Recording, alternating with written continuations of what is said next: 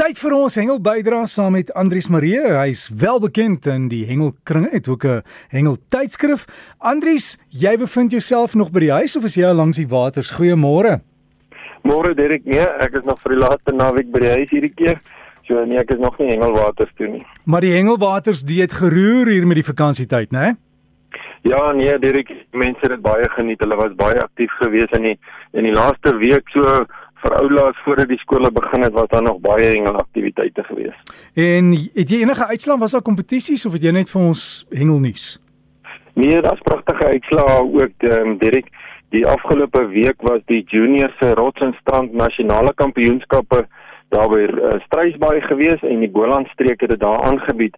Nou die jong hengelaars het deelgeneem in die onder 21ste afdeling en ook in die onder 16 afdelings en uh, die onder 21 afdeling was gewen deur die uh, span van die Boland streek met 577 punte.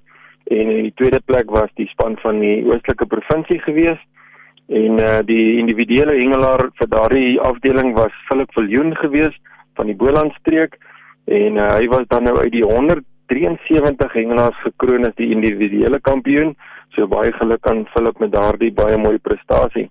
Die onder 16 afdeling uh, was gewen deur die uh, span van uh, die grensstreek en hulle het 271 punte gehad en in die tweede plek daar was die span van die Weselike provinsie. En die individuele kampioen daar was Darius Smith gewees en hy's van die grensstreek en uh, hy was gekroon as die individuele kampioen uit die 80 hengelaars wat in daardie afdeling deelgeneem het. Luke uh, reserve, reserveer, ek hoop ek het nou sy van reg uitgespreek. Hy het 'n uh, baie groot pylstert gevang van 150 cm en dit het natuurlik vir hom baie punte gegee uh, vir hierdie toernooi en natuurlik uh, hierdie toernooi is alles vang en vrylaat so al die visse word net gemeet en dan word hulle teruggeplaas in die see. Nou dit ek het regtig baie mooi foto's gekry van die, al die aksie met die jong mense daar langs die strand en ek het dit geplaas op die hengel met breakfast se Facebookblad. Die luisteraars kan gerus gaan kyk hoe wonderlik dit was om daai so wat 250 jong hengelaars langs die strand te kan sien en te kan sien hoe hulle die sport geniet en ook ons wonderlike natuur. Dit is so lekker om dit te kan sien.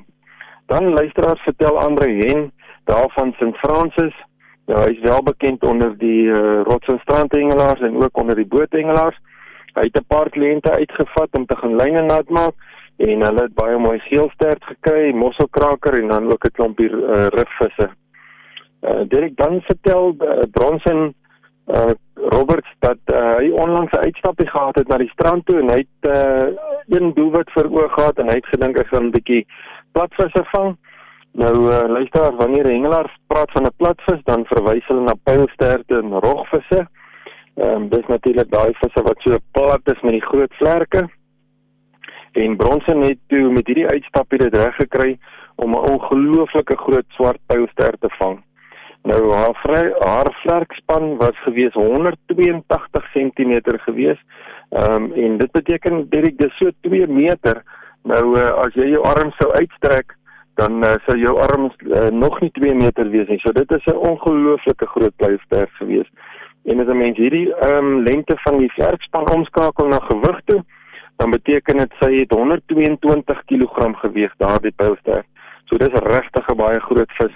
Hulle het baie mooi foto's geneem van haar voordat hulle haar weer vrygelaat het en ek het hierdie foto's ook gelaai op die Hengel met Breakfast se Facebookblad. Die luisteraars kan gerus gaan kyk na daardie ongelooflike groot platvis wat uh, hy gevang het en uh, dis lekker om te sien dat ons see nog daardie groot spesiale visse het wat nog voorkom. Uh, luisteraars dan ook aan die Noord-Natal se kus. Um, kom dan nie regtig baie keer van die groot uh, geelsterte voor nie. Uh daar het onlangs 'n grootte daar uitgekom, so dis lekker om te sien dat daar van daai groot geelsterte nog daar voorkom. Ehm um, dit die afgelope week het ons 'n hele paar donderbuie gehad hier bo in Gauteng en uh, dit het dan ook oor die naweek plaasgevind en dit het ongelukkig van die hengelvangste daar by Valdam so 'n bietjie belemmer want baie van die toegangsroetes na die dam toe dis natuurlik oor daai uh, klei of turferige areas so baie van die hengelaars kon nie by die hengelwater uitgekom het nie en uh, die donderbuie het natuurlik ook die Vaalrivier veiler gemaak en ook so bietjie laat styg so wat die hengel hier bo by ons betref was dit so bietjie belemmer deur die reën gewees. Dan luisteraars onlangs was daar 'n baie mooi vis gevang en en is 'n besondere vis uh, en dit is 'n boumelf vis. Nou as 'n mens dit nou in Afrikaanse omskakel, dan is dit 'n boogbek sandkruiper. Nou ek het al voorheen in hierdie program gepraat van 'n gitaarvis of 'n sandkruiper en uh, ons het dit al bestreek van hierdie besondere vis wat lyk soos 'n prehistoriese vis. Nou hierdie is dan nou familie van daardie sandkruiper. Die verskil is egter die ehm um, gewone gitaar een het 'n skerp bek waar hierdie boogbek een met 'n meer geronde bek. En uh, hulle bly ook maar op die sandstrande en hulle is baie lief om die krappe te eet en trewe en trewels. So hulle is nie regtig roofvis nie, maar hulle eet meer op die sandbodem. En daar's uh, mooi foto's geneem van hierdie vis uh voordat hulle hom weer vrygelaat het, so die luisteraars dan gerus ook gaan kyk na hierdie mooi vis uh daar op die hengel met breakfast. Baie besonder om te sien hoe hierdie vis so geronde bek het. Dan Derek, ehm um, verlede naweek hier in uh, meer nader na my kant toe, hier by Boskopdam was daar heelwat bote op uh, Boskopdam gewees. En uh, die man het gaan probeer swartbaars vang en daar was ook heelwat dames wat gesien het op die bote. Uh, die vangste was nie baie goed nie, het maar oor die algemeen maar klein swartbaars uitgekom van so 'n kilogram.